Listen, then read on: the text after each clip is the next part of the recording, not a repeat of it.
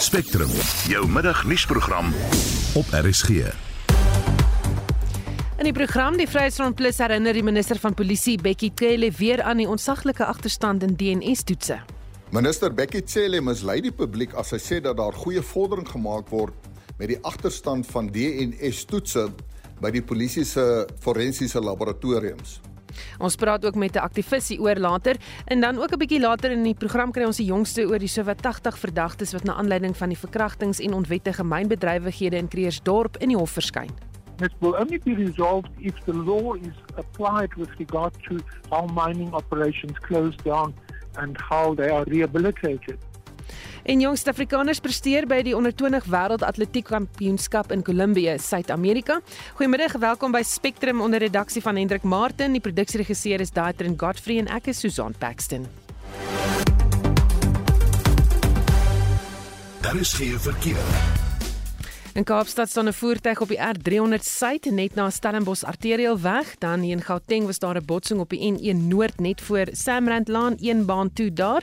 Stuur nog verkeersnuus na 45889 SMS se kos R1.50.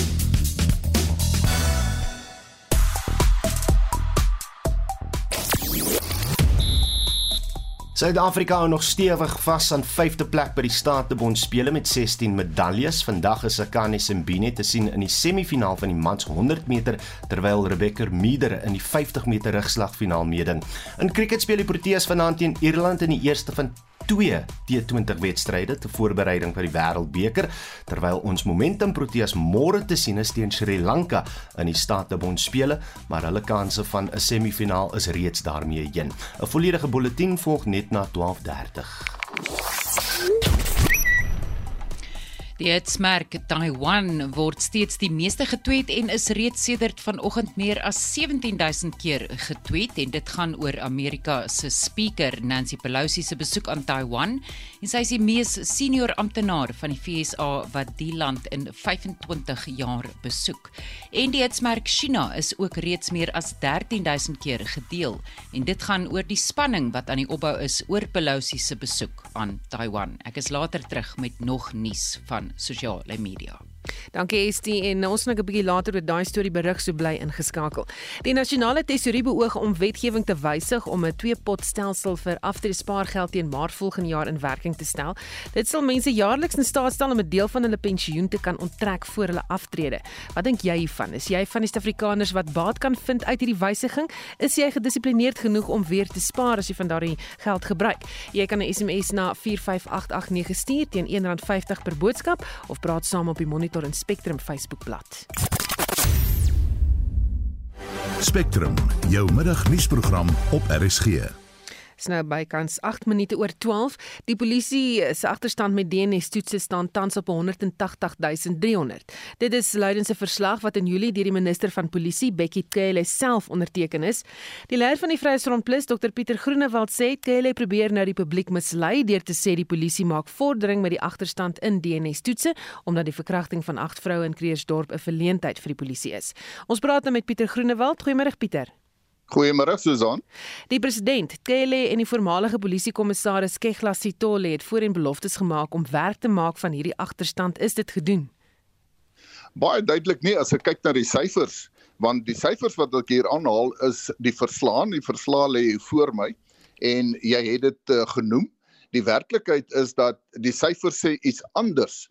My probleem is dat die president en soos jy gesê het, Tsele en die vorige kommissaris het al 2021 vertel hoe hulle nou die DNS agterstande en ander forensiese aspekte gaan hulle nou 'n prioriteit maak. Maar dis nie wat ons sien nie.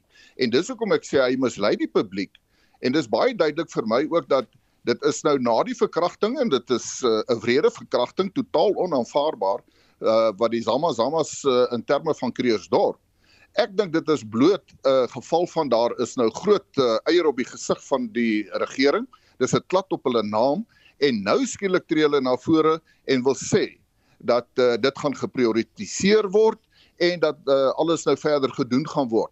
Dis eenvoudig nie wat die syfers sê nie en hierdie is 'n amptelike verslag wat gegee word aan die portefeulje komitee op polisie in die parlement.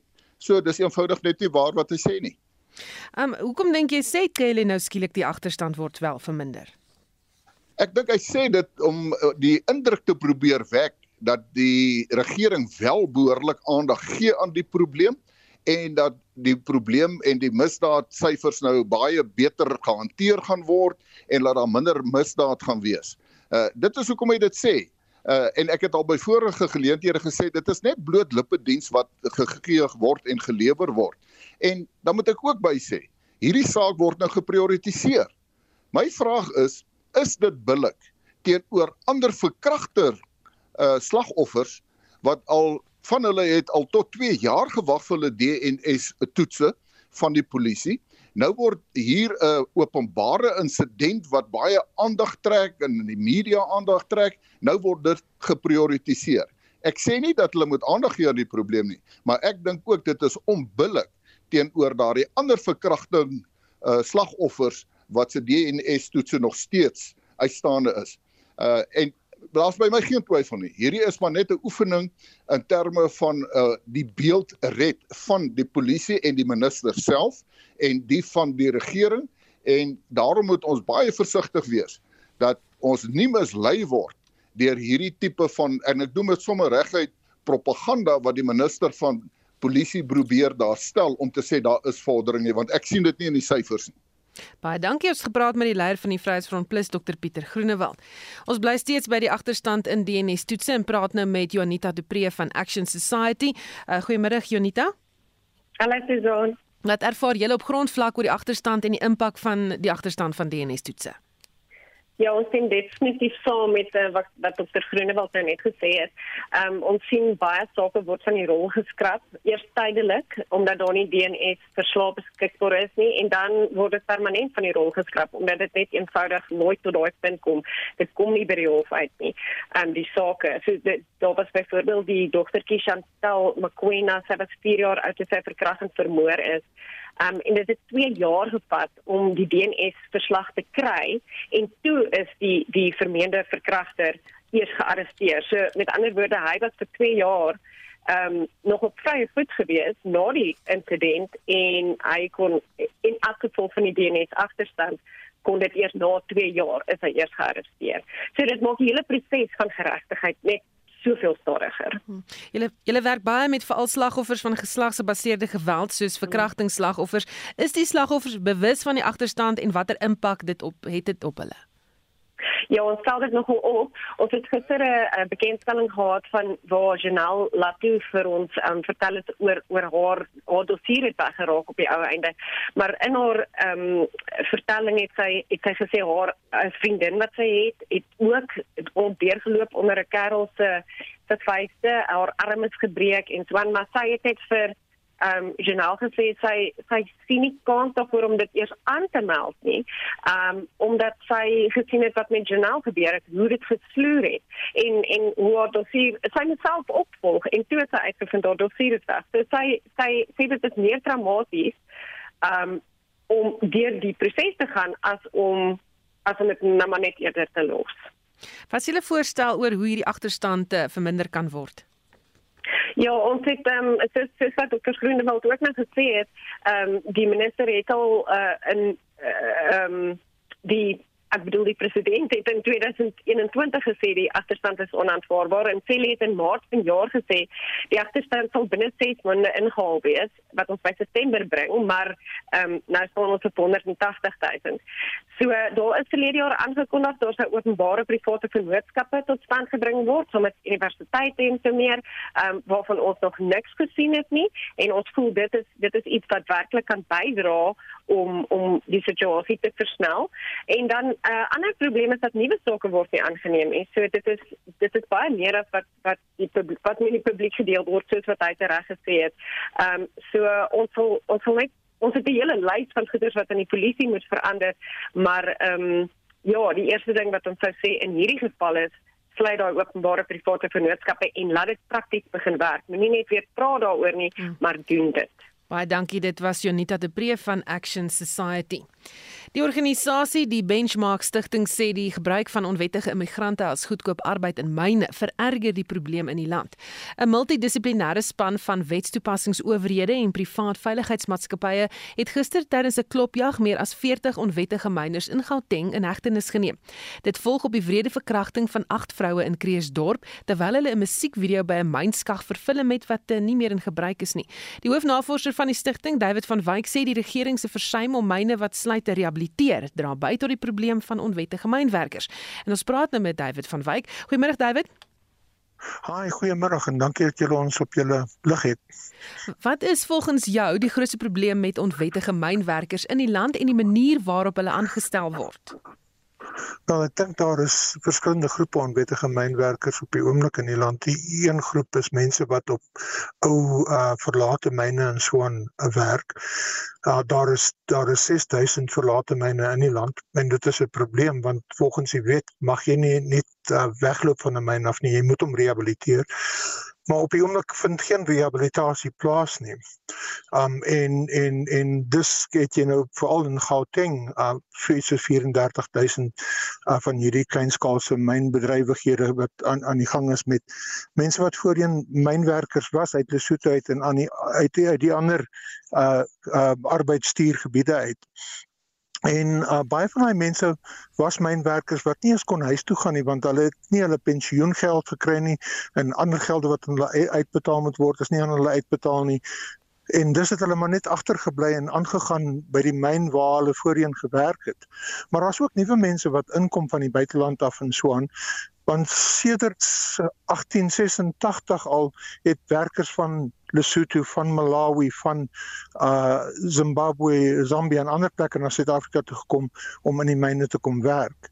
En dit het 'n kultuur geskep in daardie gemeenskappe dat elke geslag, nuwe geslag jong mans wel na Suid-Afrika toe sal kom met Stimela, die stoomtrein en en en en, en hulle gaan hulle uh, geld kom maak in die Goli en Swan. Hmm. So daai kultuur bestaan van mense wat hiernatoe migreer om hierso te kom werk, maar die probleem is dat baie van ons myne is eintlik uitgemyn. Dit kan nie meer op groot skaal bedryf word nie. En ons het geen beplanning gemaak vir kleinskaalse myne of mediumskaalse myne om oor te neem van die grootskaalse myn uh, maatskappye en so wat ons voorheen gehad het nie. En en en dit skep dan dit skep dan 'n baie groot uh, probleem die feit dat ons nie beplan vir vir vir 'n nuwe soort mynbedryf nie. Welkom val uit mekaar uit, Stilfontein val uit mekaar uit, Klerksdorp val uit val uit mekaar uit en so aan omdat daar nie genoeg beplanning is nie. Uh, stel jy dan voor dat daar byvoorbeeld miskien op 'n kleiner skaal mynbedrywighede ontwikkel moet word in hierdie dorpe? Wel ek dink so en en jy kan natuurlik ander ander uh, bedrywighede soos uh, die maak van juwele en so aan ook instel wat wat wat werk sal skep vir mense in in die dorpe self. Um jy weet want 'n kleinskaalse goudbedryf kan uh, genoeg uh, goud voorsien vir vir, uh, vir die maak van juwele en so aan. Dit is miskien nie op die skaal wat wat wat wat voorheen bedryf is wat die uitvoer van goud uh, daar gestel het nie. Um um so David? Uh, ja. So, Jy nog daar David? Um, ja, sorry man, ek het net so 'n probleem want almal bel my nou op die oomblik aan. Ah, hulle luister na jou. Ander radiostasie. Ja, ja, ja, jy sien so so daar is daar's werk daar daar's moontlikhede vir werksgeleenthede. Ons werk saam met die Universiteit van Kaapstad en ons werk ook saam met um saam met die departement van mynwese en daar en daar is 'n wetskrif wat al klaar um uh, voor die parlement was en nou op die president se lesenaar lê en wag vir hom om te teken om om om om aan om om om om om om die die hele ding beter te bedryf en beter te uh, beter te beplan. Ja. Baie dankie. Ons het gepraat met die hoofnavorser van die Benchmark Stichting, David van Wyk. Die konstitusionele hof het bevind dat die wet op regspraktyk wat bepaal dat slegs burgers van Suid-Afrika as regspraktisyns in die land toegelaat kan word, ongrondwettig is. Die uitspraak van die konstitusionele hof volg op 'n vroeëre uitspraak deur die Bloemfonteinse Hooggeregshof wat sekere dele van die wet ongrondwettig verklaar het. Die aansoek is gebring deur twee burgers van Lesotho. Ons praat nou met die prokureur Pieter Wassenaar van Kriek Wassenaar en Venter. Goeiemôre Pieter. Pieter is jy daar? Nee, lyk vir my ons het hom verloor. Ons gaan kyk of ons hom kan terugkry. Is hy daar Pieter, is jy daar? Hallo Susan, ek sien so. Daar sê jy jy teruggevind. Uh wat presies beteken hierdie uitspraak? Kyk, hierdie uitspraak is 'n uh, is 'n redelike belangrike uitspraak in sover as wat dit met die immigrasiereg eerder as die ehm um, die wet op regspraktyk te doen het. Ehm um, die vraag wat gevra was vir die hof is of die beperking op ehm um, 'n persoon wat nie 'n permanente verblyfreg in Suid-Afrika is of 'n landsburger is nie, um, om 'n regspraktisyn te registreer as as regspraktisyn te registreer by die um, regs en die Raad op Regspraktyk of dit grondwetlik is of nie. Daar die onderskeid dit geargumenteer dit was aanvanklik 'n uh, 'n saak wat gebring is in die Vrystaat Hooggeregshof deur applikante wat jong regsgeleerdes is wat hier in Suid-Afrika gestudeer het maar op ehm um, studievisums nog vanuit Zimbabwe en die koninkryk van Lesotho hulle regsopleiding by prokureursfirmas in die land ontvang het. Ehm um, en toe hulle aansoek doen vir toelating as prokureurs, ehm um, is hulle aansoeke aanvanklik geweier, maar toe later het die hof bevind dat hierdie onderskeid wat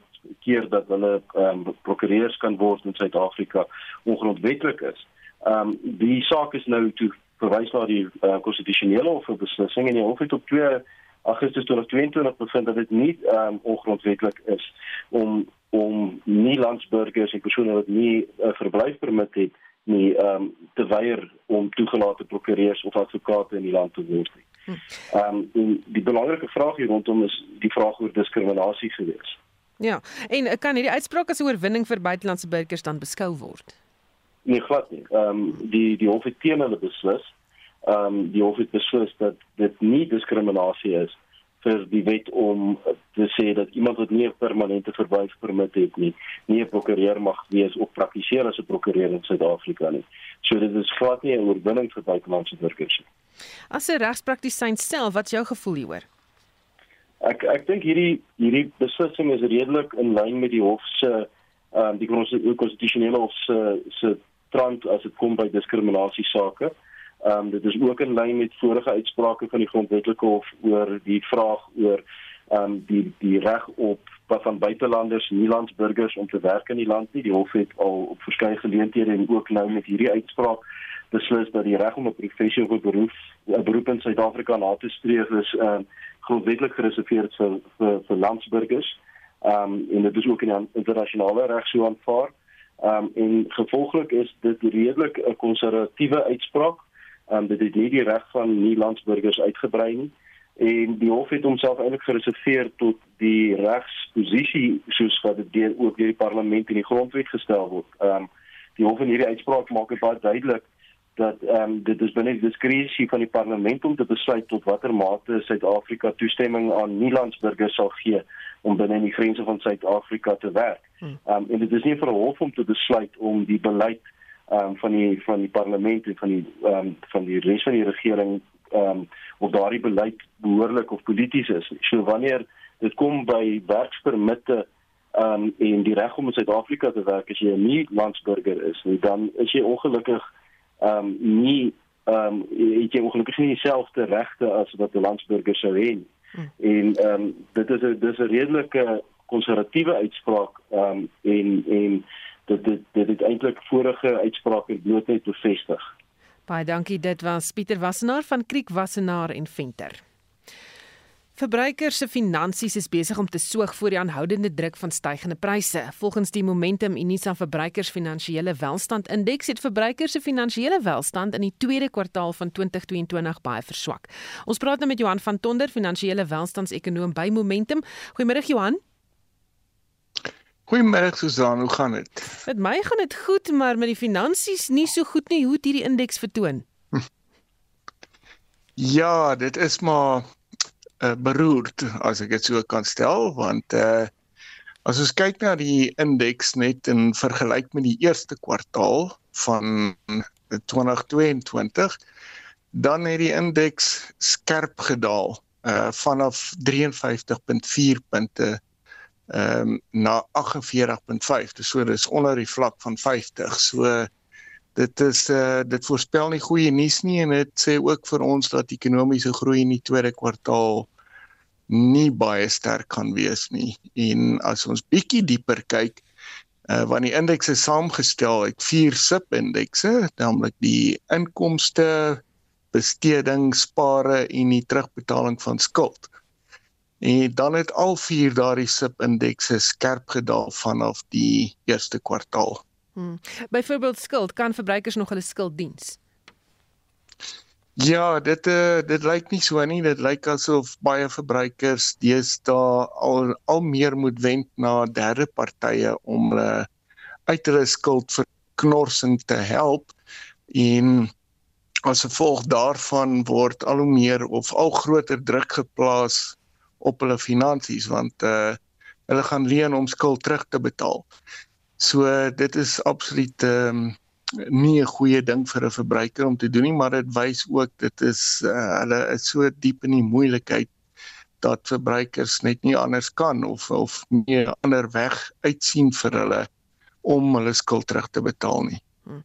Dan behalwe vir die finansiële druk wat dit plaas op mense, het jy ook gevind daar's 'n druk op 'n emosionele vlak. Ja, dit is 'n uh, nogal 'n interessante bevinding. Gewoonlik wat gebeur is indien mense se finansies onder druk kom, wat dan gebeur is dat hulle verhoudings met familie, vriende, selfs werkkollegas is ehm uh, aan die versleg. En dit is eintlik wat ook maar internasionaal gebeur want wat gebeur is mense dink so aan hulle finansies en hulle raak hier meer rig omdat hulle nie daar uit uit hierdie moeilikheid kan kom nie en dit beïnvloed dan daardie verhoudings met uh met jou werkers, jou familie en selfs ehm um, jou vriende. So dit is 'n uh, uh, amper 'n indirekte uh, gevolgtrekking wat ons kon maak uit die vrae wat ons kon vra um, aan die respondente.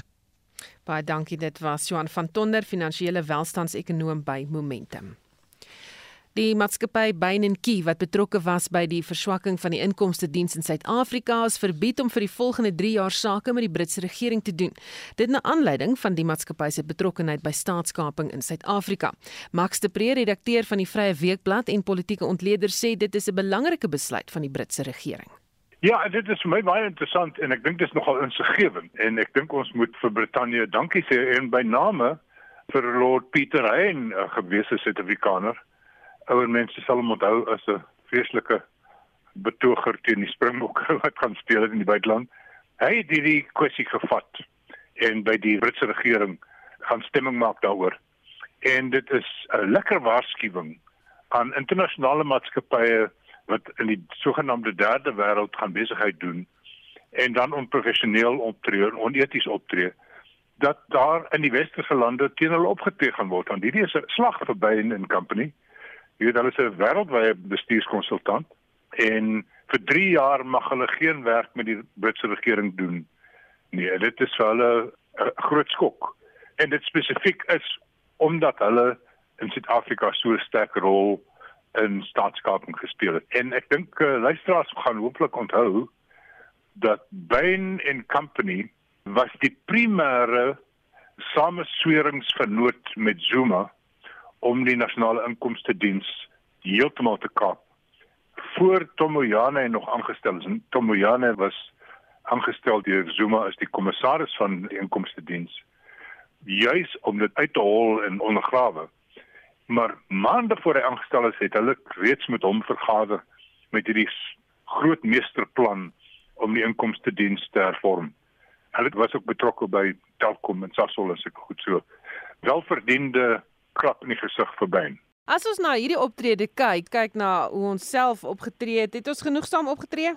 Ja, ek dink men as jy kyk na die Sonderkommissie, die Sonderkommissie maak nogal klein geld van Bain & Company. En Bain & Company moes hulle 217 miljoen rand wat hulle vir die werk al daai die inkomste diens spandeer het, hulle moes dit terugbetaal. So ja, wat ek dink ons stel 'n redelike sterk optrede in ons beperkte vermoëns. Ons moet net onthou wanneer ons ongeduldig raak oor hierdie groot internasionale sake transaksies, ons vermoë om daai goed voor hof te bring soos ons weet met Steinhoff is beperk. Dis baie komplekse goed. So Bain & Company is hier 'n uh, harde hou gegee en hulle moes hulle geld terugbetaal en hulle gaan nie weer hierdie besigheid doen nie. Maar ek dink dis belangriker wat in Brittanje gebeur het. En dit was Max de Pre, redakteur van die Vrye Weekblad en politieke ontleder. Jy luister na Spectrum. Elke weekmiddag tussen 12 en 1. Verteenwoordigers van verskeie politieke partye en aktiviste teen geslagsgeweld betoog buite die Kreersdorp Landroshof waar minstens 80 verdagtes wat die naweek aan die Wesrand in hegtenis geneem is, weer vandag verskyn. Hulle sê wetstoepassers moet strenger optree en mense wat onwettig in die land is in hegtenis neem. En Rusland beskryf Nancy Pelosi se besoek aan Taiwan as lastig. Dit is in reaksie op die herrie wat op 'n internasionale vlak losgebars het nadat die spreker van die Huis van Verteenwoordigers in die VSA, Nancy Pelosi, in Taiwan aangekom het. Ja, dit is 'n baie interessante besoek van haar wat die verhouding tussen Amerika en China natuurlik op die spits dryf. Net hierna het ons meer daaroor. Daar is geen verkeer. Goed verkeersnuus op hierdie stadium lyk vir my in Durban is daar uh, in die middestad 'n probleem. Groot klomp vragmotors wat die paaie daar versper so as jy daardie gebied kan vermy. Dan in Pretoria Gossie Mampuru straat is daar ook 'n klomp taksies wat die pad versper. Vir my ook die middestad daar as jy kan. En dan in Kaapstad is daar 'n botsing op die uh, N1 stad uit by die Okavango weg afrit. En daar staan 'n voertuig op die N7 noord by die Wingfield wisselaar. En dis jou verkeersnuus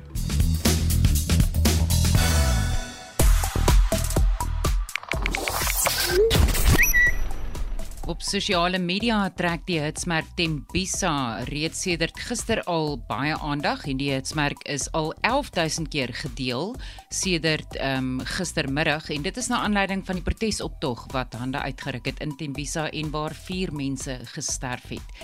En die hitsmerk Eswatini trek ook baie aandag en dit is nadat die departement van internasionale betrekkinge en samewerking gesê het hy gaan die ambassadeur van Eswatini Alfeus Nxumalo dagvaar om te verdui verduidelik wat hy bedoel het met 'n uitlating wat hy gemaak het dat Suid-Afrika oortrek is met 'n kanker van kriminaliteit.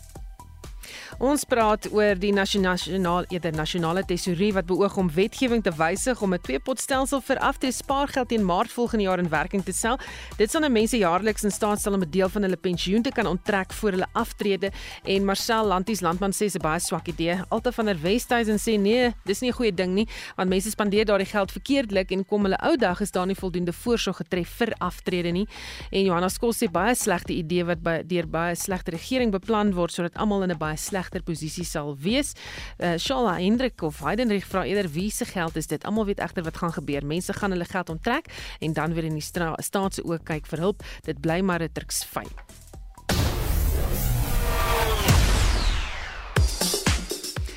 Kollega Oudo Karel sê die jongste sportnuus. Ons begin met nuus uit die Statebond spele waar Suid-Afrika nog stewig vashou aan 5de plekke op die medaljelys. Ons span het reeds 16 medaljes verower.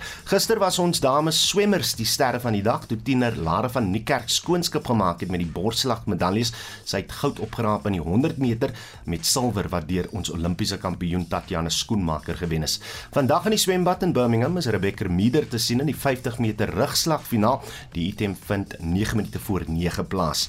Op die atletiekbaan is Akani Simbine te sien in die eerste semifinaal van die mans 100 meter. Hy het sy uitdinge afgelê in 'n tyd van 10.10 sekondes. Die semifinaal vind 10 oor 8 plaas. Die mans 4 by 100 meter aflosspan is deur COVID-19 getref met die onttrekkings weens positiewe toetse van Clarence Munyai, Emilie Erasmus en Karl Rademeier. In die mans strand vlugbal kom die span van Leo Williams en Grant Goldschmidt vanaand 8 uur te staan tussen die paartjie van van Sajid Ismail en Adam Nassim van die Maldief. In boks in die middelgewig kompetisie is Suid-Afrika se Simnekiwe Bongo te sien teen Cameron Moses van Grenada, dis nou in die kwart eindstryd terwyl Candice Leel meeding in die dames bergfietslandloopfinaal 3 uur vanmiddag. Ons mans hokkiespan speel vanaand 9 uur teen Australië na 'n gelykop uitslag teen Pakistan en 'n oorwinning teen Skotland. Sit ons mans in tweede plek agter Australië in hulle groep. Net die twee topspanne sal kwalifiseer vir die semifinaal. In cricket is ons damespan môre weer teen Sri Lanka te sien. Suid-Afrika se kans om die semifinaal te bereik is reeds daarmee heen, danksy nederlaag teen Engeland en Nieu-Seeland. Ons mans Protea span is na hul reeks sege teen Engeland vanaand weer te sien, hierdie keer in die eerste van twee T20 wedstryde teen Ierland. Snelbouler Kagiso Rabada sal hierdie reeks misloop en is in 'n stryd teen tyd gewikkel om fiks verklaar te word vir die eerste toets teen Engeland wat op die 17de Augustus begin. Vanaand se wedstryd teen Ierland begin 7:30 en dit was Udo Karelse. Ons bly by sportnuus. Suid-Afrika het reeds twee medaljes by die onder 20 wêreldatletiek kampioenskap ingepalm wat maandag in Kali, Kolumbia begin het. Die toernooi duur tot Saterdag en Esde Klerk het meer besonderhede. Die 19-jarige Menay de Klerk verteenwoordig Suid-Afrika in twee items: gewigstoot en skeywerp. Sy is as een van 4 atlete by die kampioenskap deur Wêreldatletiek uitgenooi om Saterdag onderhoude by 'n media-konferensie toe te staan omdat sy verlede jaar by die onder 20 wêreldkampioenskap in Nairobi, Kenia, onderskeidelik goud en silwer medaljes in gewigstoot en skeywerp gewen het. Guys, you are very experienced already despite your very young age. Minnie, um, you had an extremely successful championships in Nairobi, you won gold and silver. And I imagine your intentions is to do at least as well as you did in Nairobi. How excited are you at the opportunity of grabbing maybe another couple of medals here in Cali? I'm very fortunate to be able to have two World Junior Championships in a row, and I'm really excited to be competing again. I've been working hard this entire season to maybe get the gold in the shot put again. The discus is going to be a lot harder this year, I think, but I'm just going to try my best. En toe doen sy dit weer by die gewigstootfinaal gisterand met 'n afstand van 17,17 meter. So final put for the champion. A successful defense of her shot crown. And Minay de Klerk Well, really, ever since she went out to 17 metres 17, I think deep down she's felt that the title was hers. The pressure was off. The Minay de Klerk, but it is a third round effort. She's good enough to take the title. And the young lady from South Africa, a successful defence. Not that many athletes in the history of this championships have retained their titles. Minay de Klerk, though, she joins them. Menay wat in September haar tweede jaar as student aan die Universiteit van Oregon in die VSA sal begin, neem vanaand aan die skeywerp eindronde deel. In die 100 meter eindronde vir mans het Suid-Afrika se Benjamin Richardson 'n bronsmedalje ingepalm. Richardson was een van die aflosatlete wat verlede jaar 'n goue medalje vir Suid-Afrika huis toe gebring het. Die spiesgooier Michaela van der Westhuizen het sewende geëindig in haar eindronde. Intussen het Simone de Wet en Anja Nel vandag tot die 400 meter hekkies halfeindronde deurgedring.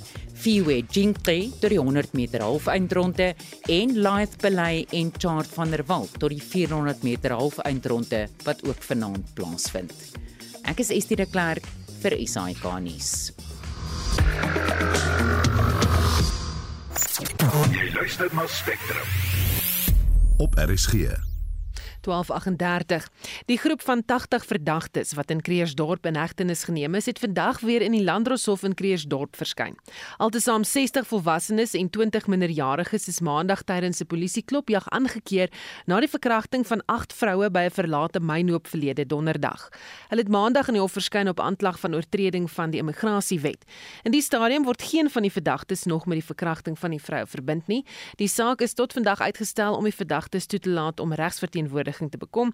Ons praat met ons verslaggewer daar, Sasha Naidu. Good afternoon, Sasha. Hi, good afternoon, Susan. What happened in court today? So, so far what happened is that uh, each of the 81 uh, suspects who were arrested over the weekend have begun appearing individually in the dock. So, so far we have seen around 15 to 20 of them make their second appearances. And all of their cases have actually been postponed once again to next week Wednesday. And this is due to the identity parades not having been conducted yet and to allow the suspects time to get legal aid representation. So we do know when we come back to court on Wednesday next week, we will see the case actually moving forward for the first time. Is there any more clarity on whether any of the men could be linked to the alleged rape? So according to the police, it's uh, that they say the identity parades as well as DNA evidence uh, or DNA sampling, which they are currently doing at this stage, they are waiting for the evidence to come back to see whether or not they can link some of these suspects to that rape incident. So for now, none of them have been directly linked. However, police believe that some of them may have been involved in that rape incident. So it's just a, a matter of time for them to get the evidence back in terms of the DNA uh, testing as well as the identity parade. Baie dankie ons het gepraat met ons verslaggewer Sasha Naidu. Rusland het Nancy Pelosi se besoek aan Taiwan as lastig beskryf. Dit is in reaksie op die herrie wat op 'n internasionale vlak losgebars het nadat die spreker van die Huis van Verteenwoordigers in die FSA, Nancy Pelosi, in Taiwan aangekom het. Rusland beskryf dit as 'n doelbewuste poging van die FSA om verhoudinge met China te versuur. 'n Dosent in praktyk aan die College van Besigheid en Ekonomie aan die Universiteit van Johannesburg, professor Theo Venter sê, hierdie is 'n baie belangrike oomblik in wêreldpolitiek. Ja, dit is 'n baie interessante besoek van haar wat die verhouding tussen Amerika en China natuurlik op die spits dryf. Amerika onderskryf formeel al vir die laaste 20, 30 jaar die beleid van een China wat beteken dat hy formele verhoudinge, diplomatieke verhoudinge met China het, maar informele verhoudinge met Taiwan het. Ons weet dat Taiwan is 'n baie baie ekonomies uh, prominente ekonomie die grootste verskaffer van microchips in die wêreld. En die Chinese word elke keer die harnas ingejaag as 'n prominente Amerikaner besoek af lê op Taiwan. Ek dink wat hier aan die gang is, is dat ons nie dit sien in samehang met twee of drie ander gebeure in Amerikaanse buitelandse beleid.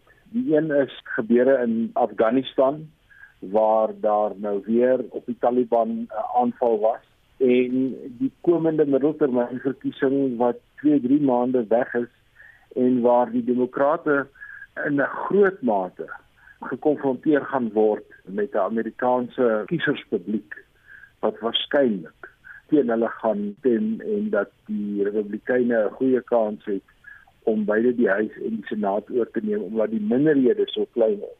En hierdie optrede van Pelosi om byvoorbeeld Taiwan in haar besoek in te sluit en Biden wat optree teen die Taliban in Afghanistan dink ek het ten doel om te wys dat die demokratiese party anders as wat die republikeine beweer tog ruggraat het en tog sterk kan optree wanneer dit van hulle vereis word. So hierdie het eintlik meer te doen met die Amerikaanse verkiesings en inhuise probleme as eintlik die die internasionale implikasies.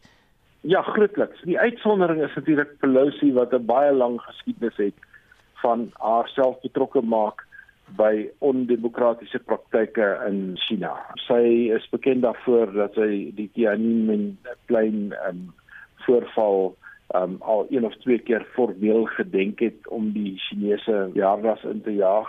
So daar is meriete in wat sy doen, maar ek dink die langer termyn oogmerk hier is om 'n bietjie te demonstreer dat die demokrate anders is as wat op die oomblik beweer word. So want dit is 'n geweldige belangrike verkiesing wat in November maand gaan plaasvind. Dis nie net alleen of die demokrate die huis en die senaat gaan behou nie, maar dit is ook of Nancy Pelosi spreker gaan bly en ons weet sy is in die Amerikaanse protokollys onder die eerste 2 of 3 wanneer 'n Amerikaanse president of selfs visiepresident iets sou oorkom, kan word die spreker die volgende leier van die Amerikaanse regering. So haar besoek is baie baie baie belangrik. Wat is haar en Biden se verhouding want soos ek verstaan keer hy nie hierdie besoek van haar goed nie. Ek dink wat Biden gedoen het is om te sê kyk dis gevaarlik, dit is riskant, maar ek kan jou nie stop nie want jy is deel van die wetgewende funksie, so die skeiding van magte maak dat hy eintlik nie veel aan haar kan doen nie. Ek dink sy afkeer daaraan was maar 'n bietjie vir openbare konsumpsie eerder iets anders. En dit was 'n dosent in praktyk aan die College van Besigheid en Ekonomie aan Universiteit Johannesburg, professor Theo Venter. Die vakbond Kusatu sê hy gaan nie die landboumeesterplan onderteken voordat dan nie aan sy eise toegegee word nie. Die meesterplan is deur verskeie landbouorganisasies wat betrokke was by die opstel daarvan onderteken, maar arbeid weier. Dan die Ehrenreich van Kusatu sê die plan strek net tot voordeel van die boer en nie die werker nie. Eerstens wil ons duidelik sê dat die masterplan 'n baie belangrike industriekwessie. Ons wil saam met arbeid, die regering en met besighede werksame aan die gang sit sodat ons dinge kan verbeter. So ons glo in beginsel aan die masterplan. Die probleem met die agricultural masterplan is dat dit lyk dat baie van die boereorganisasies maar dinge dieselfde wil hou soos hulle dit onder apartheid gehad het. En dit kan nie gebeur nie. So wat ons voel is dat ons moet 'n gesprek oplossing vind in die masterplan gee ons daardie geleentheid. Maar as die boere dan nou hulle voordele wat hulle gedeeltelik onder apartheid gesteel het en ander het gedeeltelik het gekoop na dit as hulle dit nie na 'n meer eweredige stelsel wil verander nie, dan gaan die streweling maar voortgaan in landbou. En baie van die voordele wat hulle op die oomblik het in ander lande soos byvoorbeeld ons sien nou in Europa met die mot virus op die lemoene dat hulle dit nou nie toelaat nie dat gaan daar die probleme lyk dit my gaan aanhou.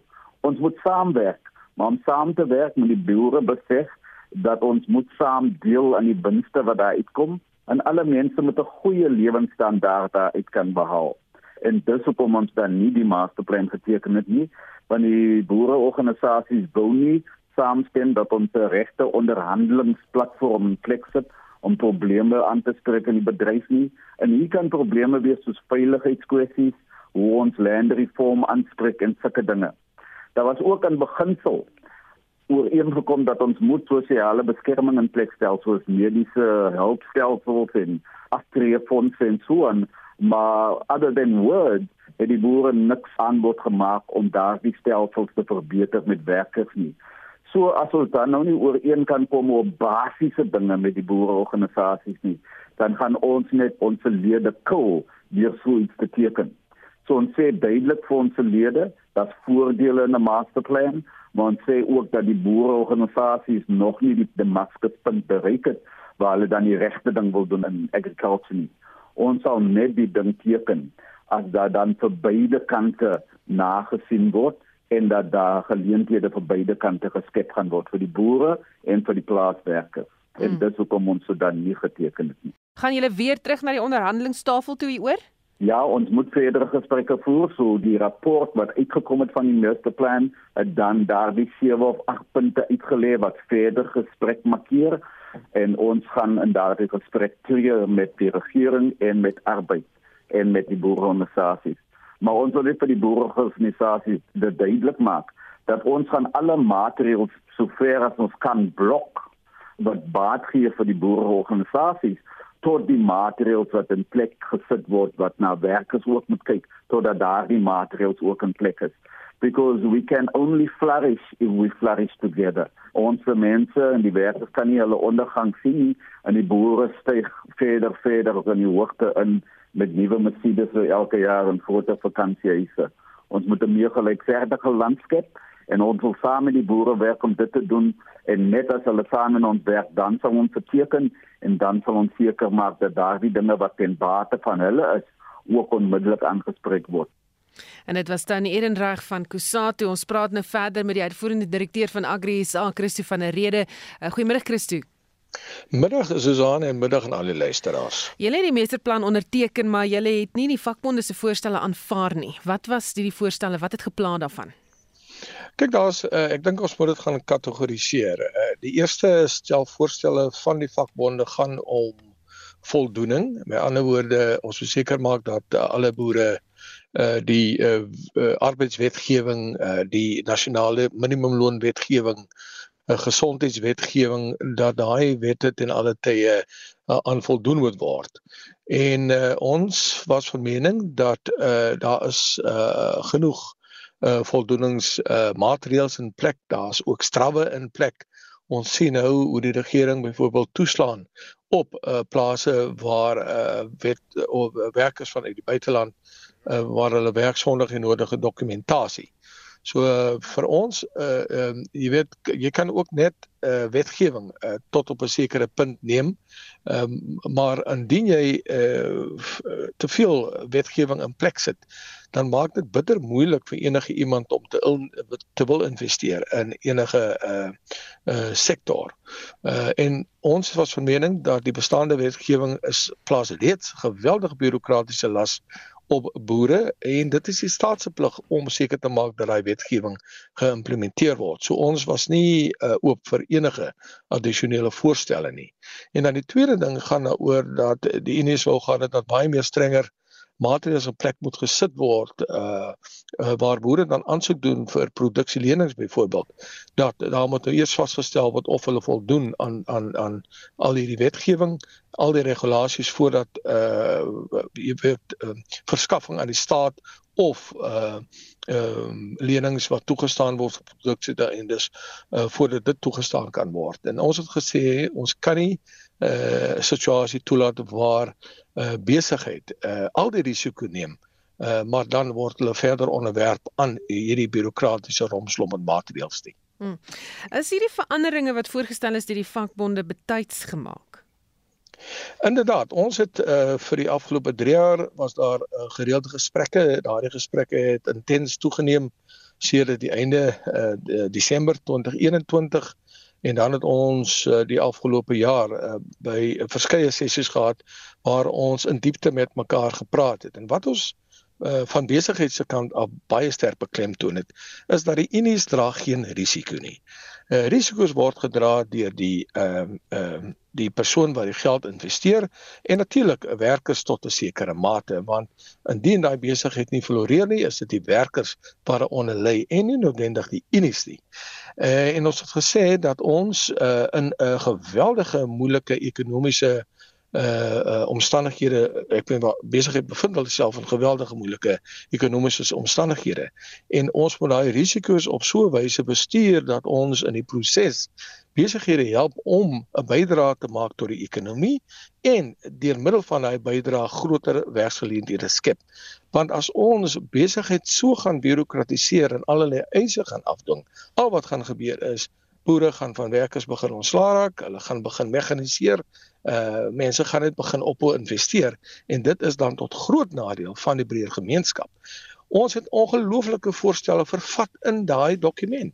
Uh waar ons praat van uh kom ons gaan kyk na 'n beter gesondheidsbedeling, uh mediese uh bedeling vir plaaswerkers. Uh ons het gaan kyk na die hele konsep van uh, slim uh, nedersettings uh, en uh, allerlei ander uh goed soos uh jy weet infrastruktuur on, en ontwikkeling. Ja. Uh en dit is alles vervat in die plan en dit is nie net tot voordeel van boere op die besigheidssektor nie. Dit is tot voordeel van die landbousektor in sy geheel en werkers gaan baie spesifiek daarby baat vind want nou floreer die ekonomie en die werkers vind dan trek ook dan voordeel uit die proses. Baie dankie. Dit was die uitvoerende direkteur van Agri SA, Christo van der Rede. Die familie van een van die vier mense wat tydens Maandag se onluste in Tembisa aan die Oostrand doodgeskiet is, sê hulle is verpletter. Hulle sê polisiebeampte het Linda Shabalala doodgeskiet. Hy was by huis naby die munisipale geboue en voertuig wat deur betogers aan die brand gesteek is. Shabalala se suster Beverly Masinga sê die 52-jarige was in die erwaaie kamer hier besig om die geweld op sy selfoon op te neem toe 'n polisiebeampte hom van naby geskiet het. Die Masinga huis waar Shabalala dood is, is somber. Die toneel waar hy dood is, is nog sigbaar met karton om die bloedkol te bedek. Sy suster Beverly Masinga hulle verwerk nog sy tragiese dood. Renale trauma cause re bone what happened because this guy was a uh, traffic traumatized because we saw what happened. Well that officer came straight and shot at the deceased here in the yard. We cannot cope. We've opened a case and the police are busy with it. What we would like to see is justice because they must arrest this guy. Shabalala was nog net 3 maande in Tembisa. Sy verhuurder, Shirley Mukansi, sê dit nie net 'n broer en 'n opgewekte persoon verloor nie, maar iemand wat gesorg het alles gaan goed omdat hulle 'n vroue huishouding is.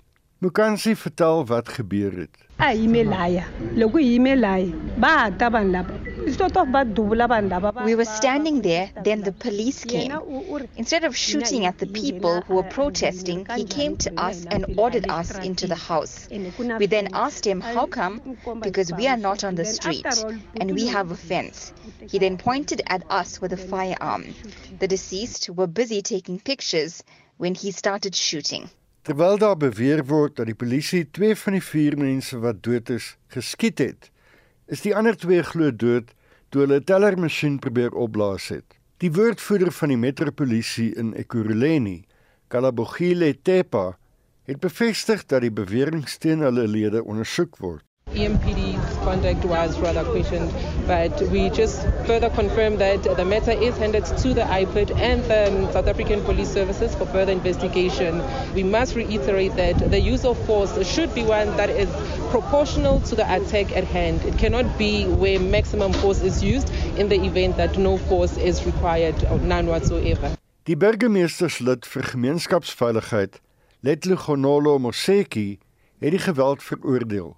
It's important to make known to the people that uh, some of these casualties uh, came as a result of ATM bombings that happened in the same premises. I mean, that's one of the issues that we are questioning here to say no amount of frustrations can justify people now going to ATM bombings so much so that people end up dying. Daar word verwag dat die burgemeester, Tanya Campbell, Vrydag met inwoners van Tembisa sal praat.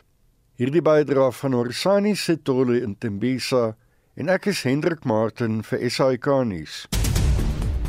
Ek sê vir ons 'n opsomming van die dag se hoofstories en ontwikkelende stories dopgehou.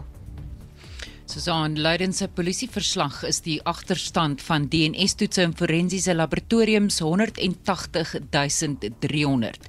En die leier van die Vryheidsfront Plus, Dr Pieter Groenewald sê die minister van polisie Bekkie Cele mislei die publiek deur te sê die polisie maak vordering in die agterstand. Hy sê dit in die lig van die verkrachting van vroue by Kreeusdorp en hy sê ook dat hy dit sal prioritiseer sodat die probleem opgelos kan word. Dit is 'n klap in die gesig van ander slagoffers van verkrachting wat alself tot 2 jaar wag vir DNS-toetse wat afgehandel moet word sodat hulle hulle saak suksesvol kan laat plaasvind. Die organisasie die Benchmark Stichting sê die aanstelling van onwettige immigrante as goedkoop arbeid in myne vererger die probleem in die land en die regering maak geen erns daarmee om myne wat sluit te rehabiliteer en aan afgedankte werknemers 'n ander inkome in die land te bied nie. Suid-Afrika het reeds 2 medaljes ingepalm by die onder 20 wêreld atletiek byeenkoms in Cali, Kolumbie. Benjamin Richardson het brons gewen in die 100 meter vir mans en Meneide de Klerk goud in die gewigstoot vir vroue. A successful defense of her shot crown and Meneide de Klerk Well, really, ever since she went out to 17 metres 17, I think deep down she's felt that the title was hers. The pressure was off. She's good enough to take the title. And the young lady from South Africa, a successful defence. Not that many athletes in the history of this championships have retained their titles. Vinay de Klerk, though, she joins them. Nou ja, dit was Estie met 'n opsomming van vandag se nuus en ontwikkelende stories daarmee groet die Spectrum span. My naam is Susan Paxton bly ingeskakel vir 360.